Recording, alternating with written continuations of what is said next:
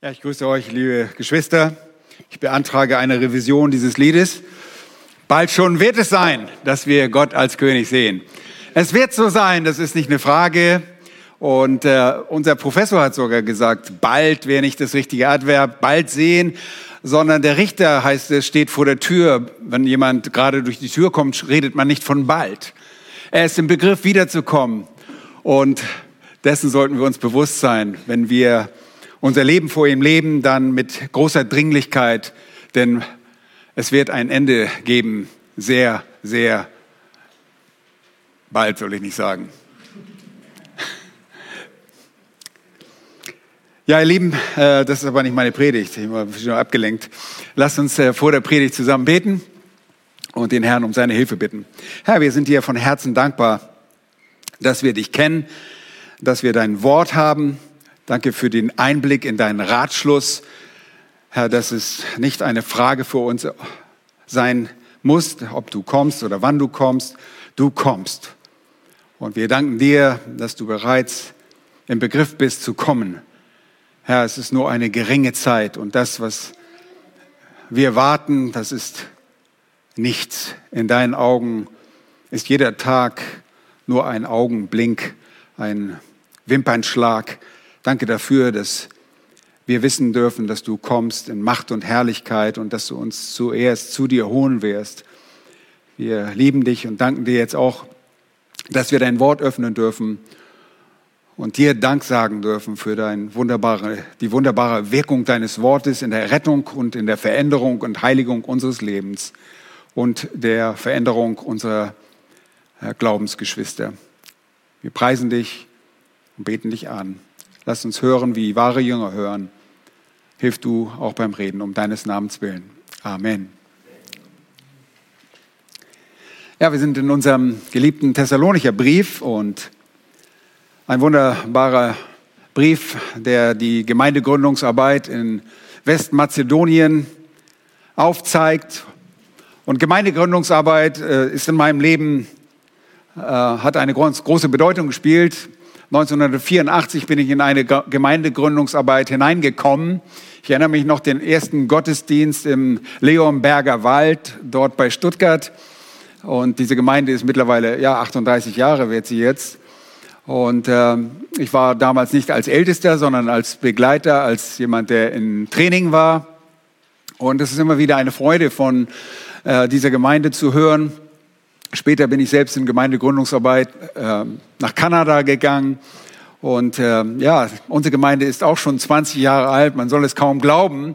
Ähm, nun, wir haben uns multipliziert und es kommt uns manchmal vor, als würden wir wieder am Anfang stehen. Und das ist gut so. Wir haben nie äh, eine Arbeit, die abgeschlossen ist. Es geht immer weiter. Und es ist gut so. Wir haben leere äh, Reihen hier und die müssen gefüllt werden. Und das bedeutet, wir müssen rausgehen. Wir müssen das Evangelium verkündigen und nicht hoffen, dass hier irgendwann mal jemand reinstolpert. Äh, das ist unser Auftrag, das Evangelium zu verkündigen, da wo die Menschen sind.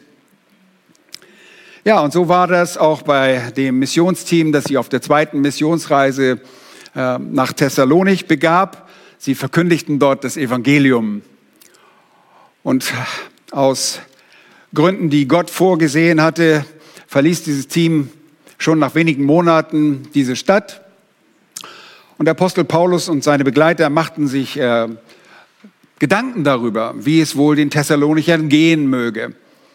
Und äh, so schickten sie aus diesem Verlangen daraus, von ihnen zu hören, wie der Glauben, wie es mit ihrer Liebe ging, den geliebten Mitarbeiter Timotheus dorthin von Athen aus. Und jetzt hatten sie gerade äh, die gute Nachricht erfahren, dass es gut um diese Gemeinde stand. Die Gemeindegründer konnten sich freuen darüber, denn es war eine Gemeinde, die das Wort Gottes aufnahm und äh, die das Wort Gottes so aufnahm, wie es aufgenommen werden sollte. Und ich lese euch heute den Text aus 1. Thessalonicher Kapitel 2, und die Verse 13 und 14. Nun vorausgegangen ist, dass Paulus und seine Begleiter Silvanus beziehungsweise Silas und Timotheus voller Dank sind für diese Gemeinde. Die ersten drei Kapitel spiegeln diese Dankbarkeit wider.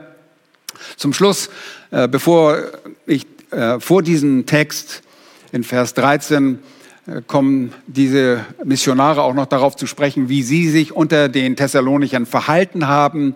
Eine gewisse antizipierende Opposition. Vielleicht gab es auch Opposition und sie äh, zeigten auf, dass sie sich würdevoll ver verhielten unter den Thessalonichern. Aber sie sind immer noch voller Dankbarkeit darüber, was Gott getan hatte. Denn nur Gott konnte diese Dinge tun. Und so lesen wir in 1. Thessalonicher 2, Vers 13 und 14 folgendes. Darum danken wir auch Gott unablässig, dass ihr, da ihr das von uns verkündigte Wort Gottes empfangen habt, es nicht als Menschenwort aufgenommen habt, sondern als das, was es in Wahrheit ist, als Gottes Wort, das auch wirksam ist in euch, die ihr gläubig seid. Denn ihr Brüder seid Nachahmer der Gemeinden geworden, die in Judäa in Christus Jesus sind, weil ihr dasselbe erlitten habt von euren eigenen Volksgenossen wie sie von den Juden. Und in den Versen 15 und 16 werden die Juden dann näher beschrieben und darüber wird die Predigt am nächsten Sonntag dann gehen. Aber hier in diesem Text, in diesen beiden Versen sehen wir drei Gründe, drei Gründe für andere Glaubensgeschwister, Gott gegenüber dankbar zu sein. Drei einfache Gründe für andere Glaubensgeschwister, Gott gegenüber dankbar zu sein. Nun, Dank ist ein Ausdruck der Anerkennung und des Verpflichtetseins für etwas Gutes, das jemand empfangen hat oder für etwas, das ihm erwiesen wurde.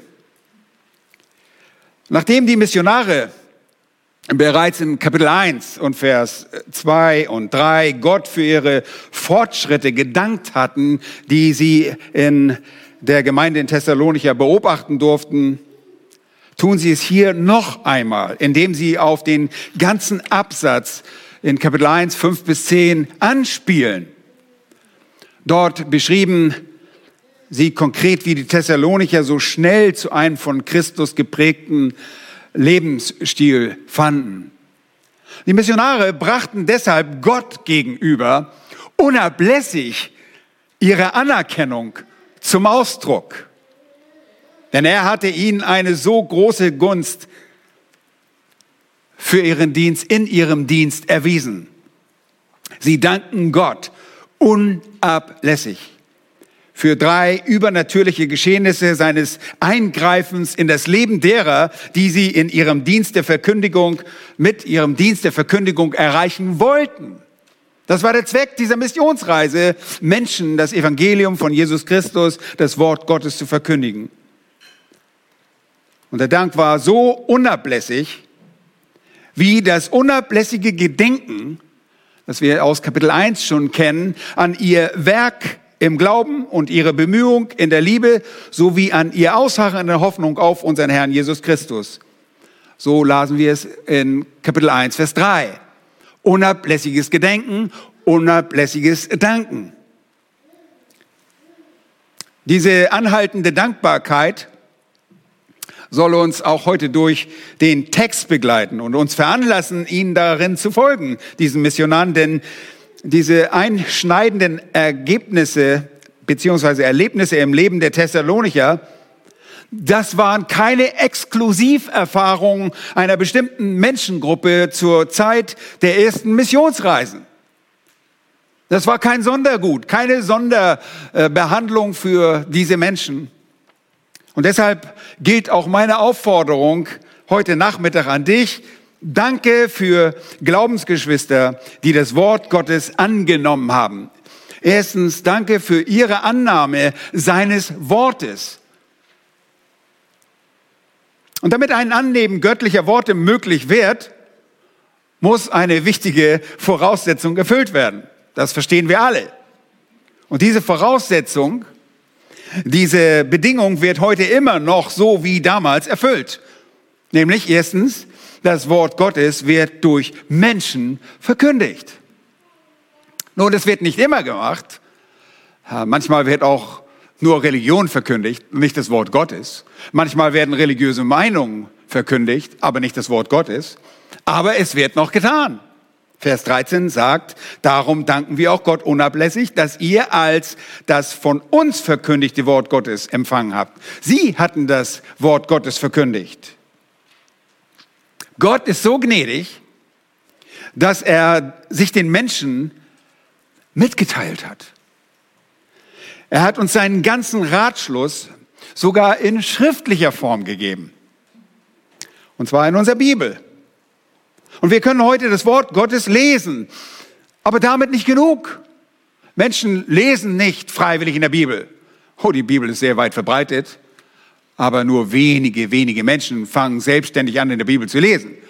Das gibt es manchmal. Wir haben auch ein Ehepaar bei uns, die fingen auch, fingen auch an, die Bibel zu lesen in einer Zeit der Krise. Aber das ist nicht gewöhnlich. Nun, Gott selbst hat seinen Jüngern den Auftrag erteilt, dass sein Wort unter den Menschen verkündigt werden solle. Und diese Verkündigung des Wortes muss nach wie vor durch seine Jünger geschehen und schließt deren erklärende Auslegung ein. Ja, wir können dem Herrn danken, dass das geschieht. Und hier steht wörtlich, dass Wort gehörte von Gott. Ja, da steht nicht Verkündigung, das, das ist Wort gehörte von Gott. Das von uns an euer Ohr gebrachte Wort. Das wurde verkündigt. Speziell und in erster Linie ist das Wort von der Erlösung des Menschen, das Evangelium der Rettung, für Gottlose von Bedeutung. Es dient als Ausgangsbasis wenn das Evangelium im Glauben angenommen wurde, dann markiert es den Standpunkt für das weitere Lehren von Gottes gesamten Ratschluss. Das versteht ihr. Wir fangen nicht an, auf der Straße jemanden äh, Offenbarung 17 oder was weiß ich äh, zu predigen. Die Leute fragen, was ist das? Wir bringen zunächst das Evangelium und dann, nachdem das Wort Gottes angenommen wurde, die Botschaft der Erlösung, dann fangen wir an, Menschen zu belehren. Die Verkündigung des Evangeliums wurde den Jüngern auch deutlich ans Herz gelegt und das taten diese Missionare auch, wie wir in Vers 9 in Kapitel 2 lesen. Sie verkündigten das Evangelium. Das Evangelium Gottes, es ist seine Botschaft, die er den Menschen anvertraut hat. Und bereits im Alten Testament wurde Abraham im Voraus das Evangelium verkündigt. Paulus schreibt in Galaterbrief, Kapitel 3, Verse 8 und 9, da es nun die Schrift voraussah, dass Gott die Heiden aus Glauben rechtfertigen würde, hat sie dem Abraham im Voraus das Evangelium verkündigt. Nämlich, in dir sollen alle Völker gesegnet werden. So werden nun die, welche aus Glauben sind, gesegnet mit dem gläubigen Abraham. Johannes, Johannes der Täufer predigte das Evangelium als Vorbereiter für unseren Herrn Jesus Christus, sagte er, tut Buße, denn das Reich der Himmel ist nahe herbeigekommen. Er predigte das Evangelium, er predigte die gute Nachricht, Matthäus 3, Vers 2. Und als dann Jesus selbst kam, übernahm er genau diese Botschaft. Diese Botschaft veränderte sich nicht und Jesus verkündigte das Evangelium und sprach, die Zeit ist erfüllt. Und das Reich Gottes ist nahe, tut Buße und glaubt an das Evangelium, Markus 1, Vers 15. Und dann folgten dem Herrn die Jünger darin. Und schließlich alle Apostel sowie die Begleiter in dem Missionsteam, nachdem sie dazu beauftragt wurden. Jetzt, jetzt sind wir an der Reihe. Jetzt sind wir an der Reihe, den Menschen das Evangelium zu verkündigen. Ja, dann sei auch ermutigt und danke dem Herrn, dass es so ist. Denn zweitens wird das Wort Gottes von Menschen empfangen und angenommen. Der zweite Punkt, das Wort Gottes wird von Menschen empfangen und aufgenommen. Das Wort Gottes wird von Menschen empfangen, es wird gehört wenn es denn verkündigt wird. Deshalb ist es die Voraussetzung, dass es verkündigt wird. Und dann wird es aufgenommen, beziehungsweise angenommen. Dekomai spricht von einem Aufnehmen. Da heißt es nochmals, darum danken wir auch Gott. Sie danken Gott, die Missionare danken Gott unablässig, also ständig, dass ihr, als ihr das von uns verkündigte Wort Gottes empfangen habt, es nicht als Menschenwort aufgenommen habt, sondern als das, was es in Wahrheit ist, Gottes Wort. Die Thessalonicher reagierten positiv auf die verkündigte Botschaft, die Evangeliumsverkündigung. Die Verkündigung des Wortes Gottes geschah durch die Missionare und wir lesen ganz deutlich das von uns verkündigte Wort Gottes. Paulus, Silvanus und Timotheus waren lediglich was? Sprachrohre Gottes. So wie zuvor die Propheten des Alten Testaments und jetzt zur Niederschrift vom ersten Thessalonicher Brief waren dort auch neutestamentliche Propheten. Wir erinnert euch daran, äh, Silvanus war auch ein Prophet, ein neutestamentlicher Prophet. Und sie verkündigten es auf der Grundlage dessen, was sie gelernt hatten aus dem Wort Gottes und auf Grundlage dessen, was Gott gesagt hatte.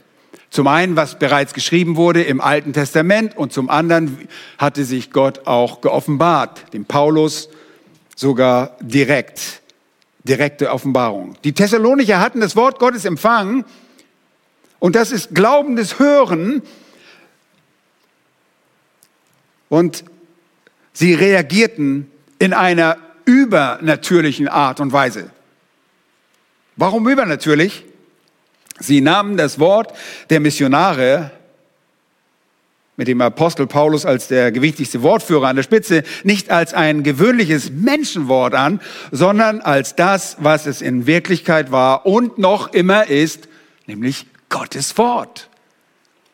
Und das wünschen wir uns heute alle, dass Menschen, denen wir das Evangelium verkündigen, es als das Wort von Gott annehmen. Wir stellen uns auf die Straße und predigen und die Leute denken, oh, was für ein Depp, was für ein religiöser Spinner, ja, wenn sie wüssten, dass es Wort Gottes ist, wenn es das dann ist, wenn wir das aus, dem, aus der Bibel so verkündigen, dann ist es das Wort Gottes. Und wenn wir hier predigen, auch von dieser Kanzel, dann ist die, das Wort Gottes die Grundlage dessen, was wir hier predigen. Wir verkündigen nicht uns selbst, sondern Christus als den Gekreuzigten. Und das Ganze ist eine beschreibende Erklärung dafür, dass die Thessalonicher zum Glauben kamen. Und bei der Vorgehensweise hat sich heute nichts geändert.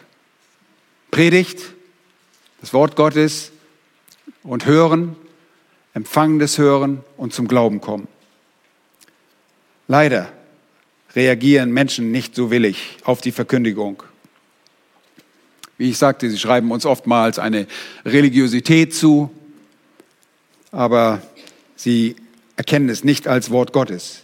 Und wir erleben oft ein gleichgültiges und verachtendes Lächeln derer, die wir ansprechen. Aber, und das sei uns heute Ermutigung, es gibt Menschen, die von Gott vorbereitet sind und die das Wort als Wort Gottes empfangen und annehmen werden. Gott hat nicht gesagt, hört auf, hat keinen Sinn, die Leute sind alle verstockt, ihr hört mal auf, jetzt ist ja das Jahr 2022, hört auf damit, das ist alles Käse hier, ich muss mein Wort nochmal überarbeiten. Nein, nein. Das Wort Gottes hat nach wie vor Gültigkeit. Die Methode ist immer noch dieselbe. Wir verkündigen das Evangelium. Und das ist wirklich ein Grund zur Dankbarkeit. Denn da spricht von Gottes Güte und von seiner rettenden Gnade. Gott vergibt den Sündern. Und der Sünder muss nur zu Gott kommen und sich vor ihm beugen und Vergebung erbitten. Denn dafür kam unser Herr Jesus Christus, dass er stellvertretend am Kreuz starb, damit jeder, der zu ihm kommt und aufrichtig kommt, Vergebung aller Sünde erfahren darf. Und dafür wollen wir vor allem danken, denn das ist bei jedem einzelnen von euch, die ihr gläubig seid, passiert. Seht ihr, es ist immer noch so. Keiner von uns. Ja, ich habe mal vor Jahren, hat mir eine Frau gesagt, ich bin ohne das Wort Gottes zum Glauben gekommen. Oh, das geht nicht, sage ich. Doch, doch, doch, ganz sicher. Ich bin ganz sicher ohne das Wort zum Glauben gekommen. Ich sage, das ist ein Irrtum. Und wie sich herausgestellt hat, diese Frau geht auch nicht mehr mit dem Herrn. Das war irgendwie so eine Religiosität, aber es ist kein wahrhaftiger Glaube, ist nicht ohne das Wort Gottes möglich. Ihr kennt vielleicht sogar Menschen, die durch eure Verkündigung das Wort Gottes angenommen haben. Und dafür sollten wir noch mehr Dank sagen. Es ist so wunderschön zu sehen, wenn Menschen darauf reagieren, das Wort Gottes hören, glaubend hören und annehmen. Dank dem Herrn für diese Glaubensgeschwister, die das Wort Gottes angenommen haben. Das ist das Erste. Zweitens, danke für die Wirksamkeit seines Wortes an ihnen. Danke für die Wirksamkeit des Wortes Gottes an ihnen. Erstens, das Wort Gottes wurde für Gottlose zunächst wirksam. Zuerst lesen wir, dass sie es aufgenommen haben. Da steht genau so dort. Sie haben es so angenommen. Sie haben es so aufgenommen. Die Wirksamkeit des Wortes Gottes ist in zweierlei Hinsicht bedeutsam. Erstens, und das ist hier impliziert in den Worten, das von uns verkündigte Wort habt ihr aufgenommen. Das Wort wurde nicht nur von den gottlosen Thessalonichern gehört, sondern es wurde so wirksam, dass es das Herz dieser Zuhörer veränderte. Und sie sagten, ja, ich nehme dieses Wort Gottes an. Sie wurden wiedergeboren. Tatsächlich. Einerseits durch das Wirken Gottes, des Heiligen Geistes und das nie unter Ausschluss der Worte Gottes. Wenn Gottes Geist wirkt und Menschen vorbereitet und sie zum Glauben führt, dann niemals unter Ausschluss des Wortes Gottes. Petrus schreibt in 1. Petrus 1, Vers 23, dass das Wort Gottes rettet, von neuem zeugt. Nun, wir werden nicht physisch nochmal geboren, wir werden geistlich geboren. Dort heißt es, denn ihr seid wiedergeboren, sagt er den Gläubigen, nicht aus vergänglichen, sondern aus unvergänglichen Samen durch das lebendige Wort Gottes, das in Ewigkeit bleibt. Und dieses Wort hat so gewirkt, dass jemand zum Glauben kommt. Aus dem Zustand ihres geistlichen Todes wurden die Thessalonicher zum Leben gebracht, geistlich geboren. Sprich, wiedergeboren, von neuem gezeugt. Es ist hier von oben geboren. An anderer Stelle, das ist ein und dasselbe. Geistlicher Tod. Wir haben da am Mittwoch drüber gesprochen. In der Wiedergeburt kommt ein Mensch zum geistlichen Leben. Und das spricht von Gottes übernatürlichen Akt der Veränderung, seinem Eingreifen mittels des Wortes. Und das ist auch, was Paulus später erklärt, wenn er im Römerbrief Kapitel 10 schreibt, ein paar Jahre später schreibt er dort an die Römer in Kapitel 10, Vers 17, demnach kommt der Glaube aus der Verkündigung, die Verkündigung aber aus oder durch Gottes Wort. Gott schenkte den Thessalonichern Glauben. Und weil Gott es war, der den Thessalonichern den Glauben schenkte, deshalb sagten sie, die Missionare, ihm, Gott, unablässig Dank dafür. Und jetzt, als Timotheus zurück war, wurden sie getröstet, heißt es dort in Kapitel 3. Denn sie machten sich auch Sorgen, wie wird es wohl sein bei den Thessalonichern? Wir mussten sie so bald verlassen. Wie geht es ihnen wohl? Und sie bekommen gute Nachricht durch Timotheus. Und dieser Glaube ist vorhanden, die Veränderung war sichtbar und sie danken dem Herrn Gott unablässig dafür. Und das ist, was wir uns heute genauso wünschen, wenn wir das Wort Gottes verkündigen, speziell das Evangelium Gottes, die Botschaft der Errettung der Menschen. Wir wünschen uns zunächst sehr, dass der Heilige Geist die gottesfernen, gottlosen Zuhörer nachhaltig verändert und durch sein übernatürliches Werk die Wiedergeburt schenkt. Das ist unser Gebet. Dafür beten wir. Und dann greift Gott ein Gott, der Heilige Geist, er tut das, aber niemals unter Ausschluss des Wortes Gottes. Das Wort Gottes muss gehört werden. Wir müssen belehrt werden. Der Gottlose muss belehrt werden, wer er ist in Gottes Augen. Und wir anerkennen die Wirksamkeit des Wortes Gottes heute genauso an wie einst diese Missionare und die Thessalonicher im Jahre 50 oder 51 nach Christus. Allerdings, und so schreibt Paulus ein paar Jahre später seinem Reisebegleiter und Kind im Glauben Timotheus, und so erleben wir es meist tatsächlich, sagt er, das aber sollst du wissen, Timotheus, dass in den letzten Tagen schlimme Zeiten eintreten werden, denn die Menschen werden sich selbst lieben. Sie werden geldgierig sein, prahlerisch, überheblich, lästerer, den Eltern ungehorsam, lästerer, äh, undankbar, unheilig, lieblos, unversöhnlich, verleumderisch, unbeherrscht, gewalttätig, dem guten Feind, Verräter, leichtsinnig aufgeblasen. Sie lieben das Vergnügen mehr als Gott. Und dabei haben sie, hört mal gut zu, dabei haben sie den äußeren Schein von Gottes Furcht, deren Kraft aber verleugnen sie, von solchen wende dich ab. Oh, es gibt immer ein paar Mitläufer in der Gemeinde sogar. Na, da gibt es immer Leute, die sogar in Gottesdienst gehen und denken, oh, ich bin ja auch ganz gut, ich bin ein Christ.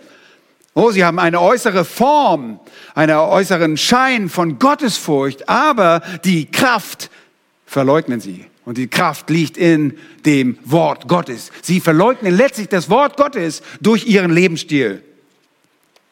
Es gibt so viel Scheinchristentum, so viel nominelle Christen, die das Christ, die Christus selbst nicht kennen, auf eine erlösende Art und Weise. Aber nicht so bei den Thessalonichern.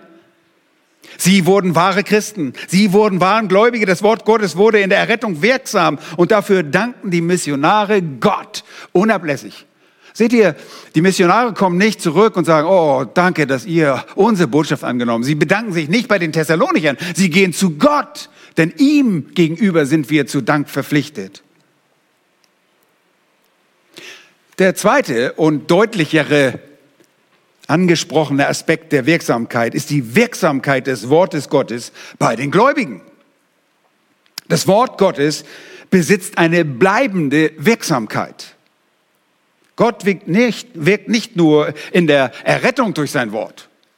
Ja, es hat man manchmal den Eindruck, dass Leute denken, ja, ich bin einmal gerettet worden, Gott war richtig mächtig, hat mich gerettet und dann lässt er mich los. Oh, schlechte Karten. Wenn Gott dich loslässt, dann bist du echt verloren. Du brauchst immer seine Kraft, immer die Wirkung seines Wortes. Fortwährend brauchen wir die Wirkung des Wortes Gottes in unserem Leben.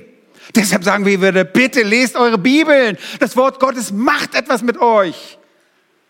Es verändert euch. Es wirkt. Zweitens, das Wort Gottes bleibt in den Gläubigen wirksam. Na, ist es schon da. Gottes Wort, das auch wirksam ist, heißt es dort in Vers 13b, dass ihr gläubig seid, die ihr gläubig seid. Das Wort Gottes das die Thessalonicher aufgenommen hatten und indem sie nun fortan gelehrt wurden, tat weiterhin sein Werk unter ihnen. Und es ist so mächtig und mit keiner anderen Kraft in dieser Welt zu vergleichen. Es ist unvergleichlich wirksam. Es hat einen hundertprozentigen Wirkungsgrad. Und das ist ein so großer Trost für mich heute und für dich auch, wenn du das richtig verstehst. Ich danke dem Herrn, dass sein Wort das verrichtet, wozu er es bestimmt hat. Es ist immer wirksam. Was meinst du, ist immer wirksam? Ich kann doch hier rausgehen und sagen, nee, ich rebelliere dagegen. Okay, dann hat es Rebellion ausgelöst. Aber es ist immer wirksam. Etwas, das nie an Kraft verliert und nie vergeht. Etwas, das eine unausschöpfliche Kraft besitzt. Das suchen Menschen heute überall.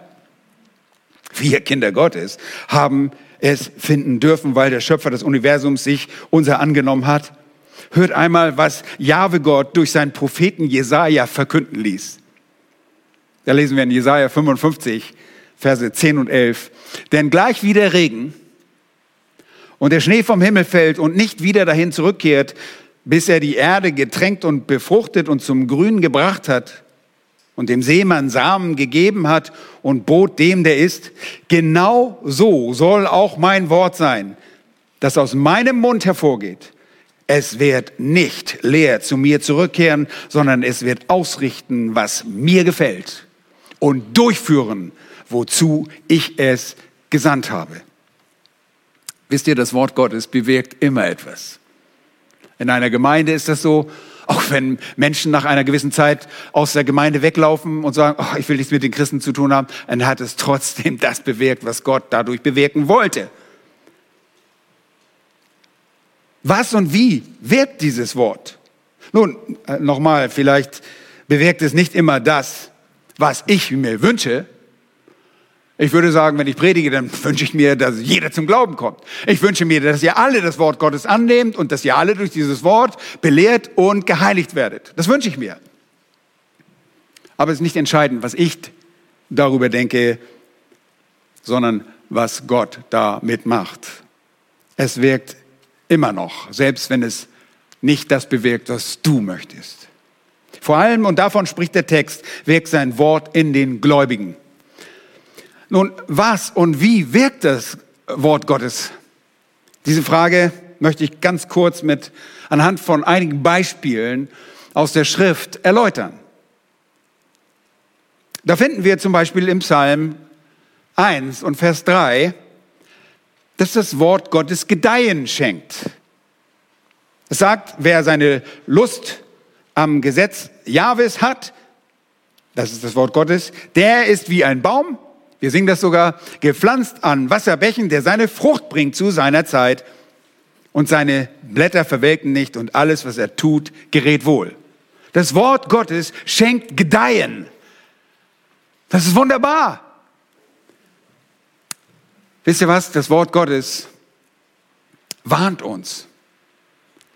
In Psalm 19, Vers 12, als es ähm, dein Knecht wird durch die Bestimmungen Jahwes, das ist die Implikation dort, belehrt, aber das bessere Wort, die bessere Übersetzung ist wahrscheinlich, es wird, er wird dadurch gewarnt.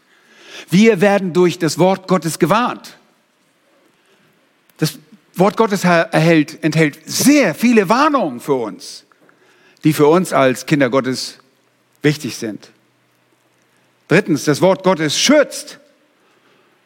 Wort im Herzen, Psalm 119, Vers 11. Ich bewahre dein Wort in meinem Herzen, damit ich nicht wider dich sünde oder gegen dich sündige. Es bewahrt uns vor der Sünde, wenn wir dieses Wort aufnehmen, wenn wir das Wort Gottes in uns haben. Und das Wort Gottes, sagt der Psalmist dort im Psalm 119, Vers 105, es führt und es ist uns auch Licht. Es erhält deinen Weg.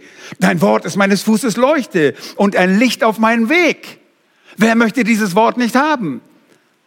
Ich möchte eine Dauertaschenlampe haben, die meinen Weg erleuchtet. Das Wort Gottes ist so. Sechstens, das Wort Gottes konfrontiert, und das ist es, was in Jeremia 23, 29 gemeint ist, wenn wir lesen, ist mein Wort nicht wie ein Feuer, spricht Jahwe, und wie ein Hammer, der Felsen zerschmettert? Antwort, ja, so ist das Wort Gottes. Gottes Wort heiligt. Jesus betet zu seinem Vater. Er bittet darum, dass seine Jünger geheiligt werden. Heilige sie in deiner Wahrheit. Dein Wort ist Wahrheit. Die Heiligung, die Absonderung für unseren Gott geschieht durch das Wort Gottes. Achtens, das Wort Gottes belehrt und instruiert. 2. Timotheus Kapitel 3, Vers 16, ein Vers, den wir alle gut auswendig kennen. Alle Schrift ist von Gott eingegeben und nützlich zu Belehrung. Wir werden belehrt durch das Wort Gottes. Zur Erziehung in der Gerechtigkeit. Wir werden instruiert. Das ist mächtig. Neuntens, das Wort Gottes korrigiert und wir bleiben gleich in diesem Vers, 2 Timotheus 3, Vers 16. Alle Schrift ist von Gott eingegeben, nützlich zur Belehrung, zur Überführung, zur Zurechtweisung. Wisst ihr, manchmal verlaufen wir uns und derjenige, der uns zurechtbringt, das ist Gott durch sein Wort, weil das Wort mächtig genug ist, uns zurechtzubringen. Zehntens, das Wort Gottes bereitet uns zu, es rüstet uns völlig aus. 2. Timotheus 3, Vers 17, der folgende Vers, weil es allgenugsam ist, weil es hinlänglich ist für alles. Gott gab das Wort, damit der Mensch ganz ganz zubereitet sei zu jedem guten Werk. Wir brauchen nichts anderes. Wir brauchen nicht Dr. Freud oder Adler oder sonst irgendeinen Psychologen oder Psychiater. Wir brauchen das Wort Gottes. Das Wort Gottes ist wirksam. Elftens, das Wort Gottes hilft. Und das ganz besonders im Glaubenskampf. Vor ein paar Monaten, ich glaube, das sind Monate, vielleicht auch schon ein Jahr, haben wir uns Epheser Kapitel 6 angesehen, die Waffenrüstung Gottes. Und da heißt es in Vers 17, und nehmt auch den Helm des Heils und das Schwert des Geistes, welches das Wort Gottes ist. Das Wort Gottes hilft uns in unserem Glaubenskampf gegen die Fürstentümer und Gewalten, die in der Luft herrschen. Zwölftens, das Wort Gottes erquickt im Sinne von Wiederherstellen der Seele. Psalm 19, Vers 8 sagt David, das Gesetz Jahwes ist vollkommen. Es erquickt. Es stellt die Seele wieder her. 13. Das Wort Gottes belohnt. Oh, Belohnung. Belohnung wollen wir alle haben, oder? Ja, der geht zum Wort Gottes. Von den Worten Gottes reden, sagt David dort im Psalm 19 auch, dein Knecht wird durch sie belehrt, durch die Worte Gottes, und wer sie befolgt, empfängt reichen Lohn. Ich weiß, unsere Arbeitgeber sind manchmal sehr mickrig mit der Bezahlung. Wenn du gute Bezahlung haben willst, geh in das Wort Gottes, du wirst reichlich belohnt. 14. Das Wort Gottes schenkt Rat oder Seelsorge. Wisst ihr was? Gott ist unserer Seelsorge durch sein Wort. Psalm 119, Vers 24 sagt der Psalmist, ja, deine Zeugnisse sind meine Freude, sie sind meine Ratgeber. Wisst ihr was? So ein Seelsorger macht, der Seelsorger bringt einem Ratsuchenden den Ratschluss Gottes, die Worte Gottes, dass er wieder klar denkt. Nichts anderes. Da machten wir keine Seelenmassage oder sonst irgendwas, sondern wir bringen ihn einfach das Wort Gottes und korrigieren möglicherweise ein falsches Denkmuster, aber es ist immer die Macht des Wortes. 15. Das Wort Gottes macht weise. Psalm 119, Vers 98 bis 100 lesen wir Folgendes. Deine Worte machen mich weiser als meine Feinde, denn sie sind ewiglich mein Teil. Ich bin verständiger geworden als alle meine Lehrer, denn über deine Zeugnisse sende ich nach. Ich bin einsichtiger als die Alten, denn ich achte auf deine Befehle. Das ist nicht wunderbar? Wow, wir wollen doch etwas, dass in unserem Leben etwas passiert. Und ich garantiere das, wenn du mit der richtigen Einstellung in das Wort Gottes gehst, dass Gott dich so nachhaltig verändert. 16 das Wort Gottes belebt. Psalm 119, Vers 154. Der Psalmist betet, führe meine Sache und erlöse mich, belebe mich nach deinem Wort. Das Wort Gottes befreit. Und das sagte Jesus in Johannes Kapitel 8. Interessantes Kapitel. Ich liebe das Kapitel. Und da sagt er in Kapitel 8, Vers 31 und 32, spricht er zu den Juden, die an ihn glaubten, wenn ihr in mein Wort bleibt, so seid ihr wahrhaftig meine Jünger und ihr werdet die Wahrheit erkennen und die Wahrheit wird euch frei machen. Wow. Hier ist eine Macht, die uns befreit von Ketten, von irrtümlichen Auffassungen, die uns versklaven, von falschen Denkweisen, die uns in die Irre führen. Das Wort Gottes macht dich frei. Du musst dir keinen Kopf machen über manche Dinge, weil du auf einmal die Wahrheit erfährst. Das Wort Gottes bereichert.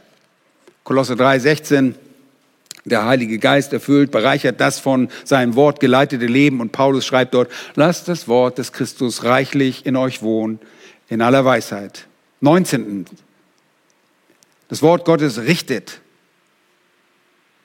Es sind nur ein paar Beispiele. Ich habe nur 20, aber äh, 19. ist, äh, das Wort Gottes richtet und zwar im Sinne von beurteilen. Hebräer 4, Vers 12 sagt, denn das Wort Gottes ist lebendig und wirksam. Hier haben wir es wieder, es ist wirksam und schärfer als jedes zweischneidige Schwert. Es dringt durch, bis es scheidet, sowohl Seele als auch Geist, sowohl Mark als auch Bein. Und es ist ein Richter der Gedanken und Gesinnung des Herzens. Willst du recht beurteilt werden? Dann lies das Wort Gottes aufrichtig mit dem Verlangen, dass Gott dir zeigt, wie du bist. Er beurteilt deine Gedanken und Gesinnung. 20. Und das letzte. Das Wort Gottes nährt. 1. Petrus 2, 2. Und das versuchen wir zu erlangen. Das ist unser Wunsch, dass wir genährt werden. 1. Petrus 2, 2, seid als neugeborenen Kindlein begierig nach der unverfälschten Milch des Wortes, damit ihr durch sie heranwachst. Leben, das ist verständlich, dass wir das Wort Gottes predigen wollen, oder? Es gibt so viel mehr, wie das Wort Gottes in dem Leben eines Gläubigen wirkt. Die Thessalonicher hatten das wirksame Wort angenommen und dafür dankten die Missionare Paulus, Silvanus und Timotheus unablässig ihrem Gott. Das ist ein wahrer Grund zum Danken. Oh, wir danken, dass es nicht an uns liegt. Stell dir vor, ich müsste euch immer manipulieren. Ich müsste euch immer alles recht machen. Oh, ich wäre schlimm dran. Oh, Borchmann hat wieder nicht richtigen, richtigen Knopf gedrückt. Ich würde immer nur versagen. Ich kann euch nicht verändern. Ich kann euch nur das Wort Gottes bringen. Meine schwache Person. Und weil ich das Wort Gottes predige, danke ich dem Herrn, denn er wird euch verändern. Garantiert. Ist nicht wunderbar? Nun, die Thessalonicher hatten das wirksame Wort angenommen und dafür danken diese Missionare. Und die Annahme des Wortes wird auch durch ihr Verhalten in Vers 14 bestätigt. Ein weiterer Grund, Gott Dank zu sagen. Drittens, danke für die nachgeahmte Standhaftigkeit in ihrer Verfolgung. Und wir danken auch für andere Menschen, die standhaft sind in ihrer Verfolgung. Da heißt es, denn ihr Brüder seid Nachahmer der Gemeinden Gottes geworden, die in Judäa in Christus Jesus sind, weil ihr dasselbe erlitten habt von euren eigenen Volksgenossen wie sie von den Juden. Und dieser Satz fängt mit einem Denn ein. Man könnte das als eine Bestätigung für das weitere Wirken von Gottes Wort ansehen. Nun, es ist jedoch besser und wohl auch korrekter, den ganzen Vers als Bestätigung der Hauptaussage in Vers 13 zu betrachten ihre Bereitschaft, das Wort anzunehmen. Weil sie das Wort annahmen, ja, deshalb wurden diese Brüder, diese Geschwister des Glaubens, deshalb wurden sie Nachahmer der Gemeinden Gottes in Judäa. Jeder, der das Wort so annimmt wie die Thessalonicher, wird ein Nachahmer dieser in Verfolgung geratenen Gemeinden wenn es dazu kommen sollte, dass ihr Verfolgung erleben werdet. Jeder Einzelne wird so sein. Nun, die Annahme des Wortes und das Ertragen von Leid aufgrund des Wortes Gottes gehen oft, ganz häufig Hand in Hand. Und das drücken die Missionare schon zu Beginn des Briefes aus. Erinnert euch daran, im ersten Kapitel in äh, Kapitel 1, Vers 6 heißt es, und ihr seid unsere und des Herrn Nachahmer geworden, indem ihr das Wort unter viel Bedrängnis aufgenommen habt, mit Freude des Heiligen Geistes. Nun, die Wirkung des Wortes Gottes hatte natürlich bis zum Zeitpunkt der Verfassung dieses Briefes angehalten. Sie hält immer an. Und so war auch die Haltung der Thessalonicher als Nachahmer bereits ein Teil ihrer Vergangenheit geworden. Das Nachahmen der Gemeinden Gottes in Judäa unterscheidet sich allerdings von dem Nachahmen des Paulus und des Herrn in Kapitel 1, Vers 6. Ich sage es nochmal, das Nachahmen dieser Gemeinden unterschied sich oder unterscheidet sich von dem Nachahmen des Paulus und des Herrn in Kapitel 1, Vers 6.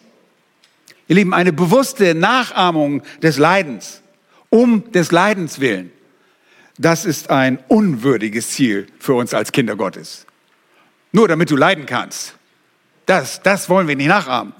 Die Nachahmung eines heiligen Lebensstils dagegen, das ist nicht nur legitim, das ist nicht nur etwas, was wir tun sollen, sondern sie wird uns befohlen.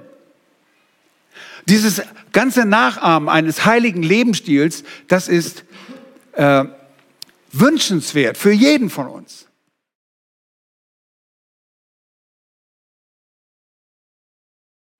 Und so knüpft Paulus und diese Missionare knüpfen an diesem Punkt an und sagen, ihr seid Nachfolger geworden. Und damit keine Zweifel aufkommen sollten, wem sie folgten, wurden diese Brüder von allen heidnischen Versammlungen durch die Bezeichnung Gemeinden Gottes unterschieden. Ihr seid Nachfolger der Gemeinden Gottes in Judäa. Äh, das Wort Gemeinde ist nicht irgendwie ein frommes Wort. Das ist das Wort Ekklesia und das kann, das kann eine profane Versammlung sein, das kann äh, Bürgermeisterversammlung sein.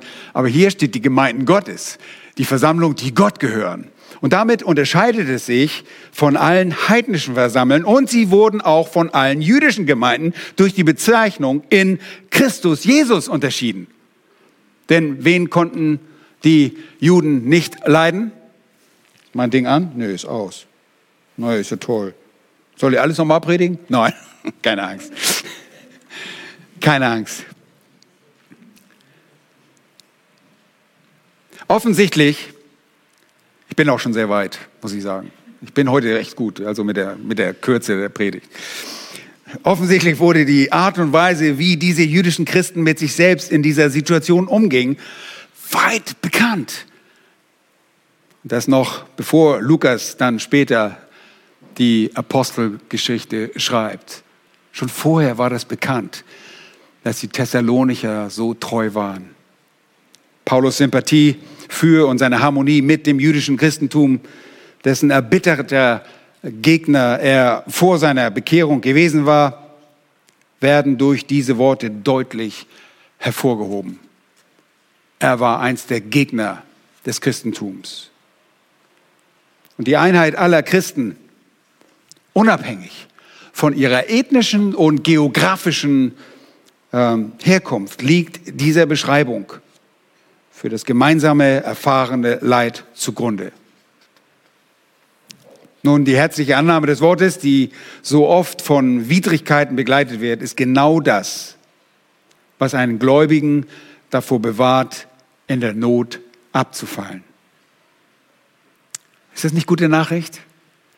Wenn du Gott vertraust, wenn du dich zurüsten lässt durch das Wort Gottes, das so wirksam ist, dann wirst du wenn es zu einer richtigen Verfolgung kommt, auch standhalten. Nicht, weil du so ein toller Hecht bist, nicht, weil du so tough bist, weil du so stark bist, sondern weil Gottes Wort so stark ist und er es verspricht. Sowohl die Gemeinden Thessalonicher als die Gemeinden in Judäa litten unter der Verfolgung durch ihre Landsleute. Und bei den Thessalonichern, man höre und staune, waren es vor allem die Heiden. Die Heiden verfolgten sie. Das ist überraschend, oder? Die Auslöser jedoch waren die Juden. Schlagt einmal auf, die Zeit nehmen wir uns noch. Äh, äh Apostelgeschichte 17, das ist der Bericht, äh, der Missionsbericht des Lukas, als Paulus und die Begleiter in Thessalonik waren. Dort heißt es dann in Apostelgeschichte 17, Verse 5 bis 9 folgendes. Aber die Juden, die sich weigerten zu glauben, wurden voll Neid und gewannen etliche boshafte Leute vom Straßenpöbel. Und das müssen ganz offensichtlich die Heiden gewesen sein. Erregten einen Auflauf und brachten die Stadt in Aufruhr. Das sehen wir in der Schrift manchmal, dass Leute sind in einem Aufruhr verwickelt, sie wissen gar nicht, worum es geht, aber die Juden waren erfolgreich dabei, diesen Straßenpöbel in Aufruhr zu bringen. Und sie drangen auf das Haus Jasons ein und suchten sie, um sie vor die Volksmenge zu führen. Als sie sie aber nicht fanden, schleppten sie den Jason und etliche Brüder vor die Obersten der Stadt und schrien, diese Leute, die die ganze Welt in Aufruhr versetzen, sind jetzt auch hier. Irgendwie haben sie vernommen, dass da war, wo was in Philippi los war und jetzt meinten sie, die ganze Welt wäre so, also ein bisschen übertrieben, ein kleiner Hyperbel. Vers 7, Jason hat sie aufgenommen und doch handeln sie alle gegen die Verordnung des Kaisers, indem sie sagen, ein anderer sei König, nämlich Jesus. Sie brachten aber die Menge und die Stadtobersten, äh, sie brachten aber die Menge und die Stadtobersten, welche dies hörten, in Aufregung, sodass sie Jason und die übrigen nur gegen Bürgschaft freiließen. Und ihr seht, die Juden zetteln etwas an. Und es erinnert so ein bisschen an äh, die Festnahme unseres Herrn Jesus Christus. Wer war der Mörder unseres Herrn Jesus Christus? Oh, einige würden sagen, oh, die, die Römer. Nein. letztliche Verantwortung ist, sind, ist den Juden zuzuschreiben, die die Römer angezettelt haben. Nun, der Grund für die Verfolgung von Christen, von Kindern Gottes, geht bereits aus dem Text von 1. Mose, Kapitel 3, Vers 15 hervor. Ist euch das bewusst? Und alle antworten, ja, das ist das Protoevangelium. Nun, ich will Feindschaft, sagt äh, Gott dort, zu der Schlange setzen zwischen dir und der Frau, zwischen deinem Samen und ihrem Samen. Er wird dir den Kopf zertreten und du wirst ihn in die Ferse stechen. Die Verfolgung ist deshalb überhaupt nichts Ungewöhnliches. Sie erstreckt sich durch die gesamte Geschichte der Bibel. Verfolgung gegenüber den Kindern Gottes ist nichts Ungewöhnliches. Wie auch Petrus seinen Adressaten im ersten Brief deutlich macht, er schreibt dort in Kapitel 4, Verse 12 und 13, sagt der Geliebte, lasst euch nicht durch die unter euch entstandene Feuerprobe befremden, als würde der Führer euch etwas Fremdartiges, sondern in dem Maß, wie ihr Anteil habt an den Leiden des Christus, freut euch, damit ihr euch auch bei der Offenbarung seiner Herrlichkeit jubeln, freuen könnt. Also nichts Ungewöhnliches. In Kapitel 5, Vers 9 sagt er dann noch später dem Teufel, der ist damit gemeint, dem widersteht, fest im Glauben, in dem Wissen, dass sich die gleichen Leiden erfüllen an eurer Bruderschaft, die in der Welt ist. Also die Thessalonicher und die Christen in Judäa erlebten eigentlich nichts Außergewöhnliches. Es ist das, was zu erwarten ist. Nun, was können wir tun, wenn wir gerade und gewöhnlich, ungewöhnlicherweise, muss ich sagen, nicht verfolgt werden? Wir werden gerade nicht verfolgt, oder? Jemand von euch im Knast gesessen oder geschlagen wegen des Evangeliums willen? Nein. Wir haben, vielleicht werden wir so ein bisschen gebullied, so ein bisschen an den Rand gedrängt, am Arbeitsplatz oder sonst hier. Aber eine tatsächliche Verfolgung dieser Art und Weise ist uns noch fremd. Den meisten von euch. Was können wir tun? Der Schreiber des Hebräerbriefes sagt uns, was wir tun sollen. In Kapitel 13, Vers 3 sagt er, gedenkt an die Gefangenen, als wärt ihr Mitgefangene und derer, die misshandelt werden, als solche, die selbst auch noch im Leib leben. Gedenkt dieser Leute. Oh ja, ich denke jetzt an die armen Leute. Nein, das ist damit nicht gemeint. Wie gedenken wir der Leidenden, solcher, die unter Verfolgung sind? Im Gebet.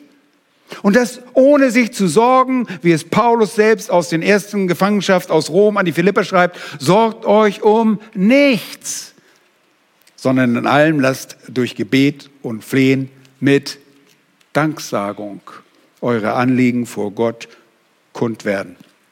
Ihr wisst, was dann geschieht. Und der Friede Gottes, der allen Verstand übersteigt, wird eure Herzen, eure Gedanken bewahren in Christus Jesus. Also wie gedenken wir dieser Leute? Im Gebet mit Danksagung. Damit sind wir wieder bei unserem Text. Wir danken dafür, dass diese Leute, die wir erreichen, auch standhaft sein werden in der Verfolgung. Wisst ihr was? Ich mache mir keine Sorgen um euch, wenn ihr wahre Gläubige seid. Und manchmal offenbart sich, dass wir nicht wahrhaftig gläubig sind. Aber wenn ihr wahrhaftig Kinder Gottes seid, muss ich mir als Hirte nicht Sorgen machen, oh, meine Kinder, meine Kinder, meine Schafe, meine Schafe, die werden alle weglaufen, wenn es verfolgt. Das werden sie nicht, weil Gott für euch sorgt, weil Gottes Wort mächtig an euch gewirkt hat. Wir wollen unserem Gott für andere danken, die standhaft in der Verfolgung leiden. Danken, wie einst das Missionsteam für die Thessalonicher unablässig dankte. Und die Thessalonicher lehnten wirklich eine heftige Verfolgung und blieben dennoch standhaft. Und diese positive Nachricht hatte Timotheus dem Team übermittelt und hatte sie getröstet, hat den Paulus getröstet, wie er es schreibt oder wie sie es schreiben Kapitel 3. Ihm, unserem Gott, sei Dank dafür. Nun, wir haben drei Gründe angesehen für andere Glaubensgeschwister, Gott gegenüber dankbar zu sein. Tu es dem Missionsteam gleich.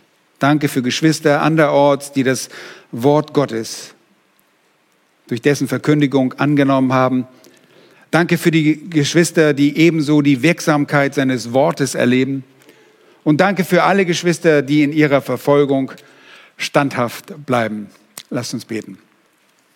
Herr, wir danken dir von ganzem Herzen für den wunderbaren Einblick, den wir haben dürfen heute, gut 2000 Jahre nach dieser Gemeindegründung. Danke, dass dein Wort sich nicht verändert hat und gleichbleibend wirksam ist. Wir danken dir für die Geschwister, die auch durch den Dienst, den wir verrichtet haben, zum Glauben gekommen sind durch die Verkündigung deines Wortes. Danke, dass dein Wort sich als wirksam erwiesen hat. Du bist derjenige, der eingegriffen hat. Wir danken dir dafür. Wir danken dir für diese Geschwister, die ebenso die Wirksamkeit deines Wortes erleben. Herr, das ist kein exklusives Recht von irgendwelchen wenigen Menschen, sondern von allen Kindern Gottes. Herr, und deshalb bete ich, hilf du den Geschwistern in der Gemeinde, dein Wort mehr zu lieben, jeden Tag mehr, darin zu lesen und darin zu leben, es zu lieben, es auswendig zu lernen und so die Wirkung deines Wortes in ihrem eigenen Leben zu erleben. Herr, wir danken für alle Geschwister, die du geschenkt hast, die du an unsere Seite gestellt hast. Und wir danken dir auch für solche äh, Zeiten, die schwer sind, weil wir wissen, dass du auch in der Verfolgung sie stand sein, standhaft sein lassen wirst. Wir beten für die Menschen, die um deines Namens willen inhaftiert sind, in Psychiatrien eingesperrt sind, ja, in Ländern wie Nordkorea, äh, wo das Christentum verboten ist. Herr, wir danken dir für deine Geschwister dort. Danke, dass du sie standhaft gemacht hast. Wir wissen, dass du das Leid abwenden kannst, aber du gebrauchst auch das Leid in ihrem Leben, so wie du es immer weise tust, zu jeder Zeit, mit allen Dingen, die du in unser Leben bringst. So danken wir dir einfach für die Geschwister. Wir bitten dich, sei du ihnen nah, gib du ihnen Mut, gib du ihnen Zuversicht, lass du sie erkennen, dass die Herrlichkeit und dein Kommen, dein kommendes Reich nicht fern ist. Du bist im Begriff zu kommen. Wir preisen und loben dich dafür in Jesu Namen. Amen.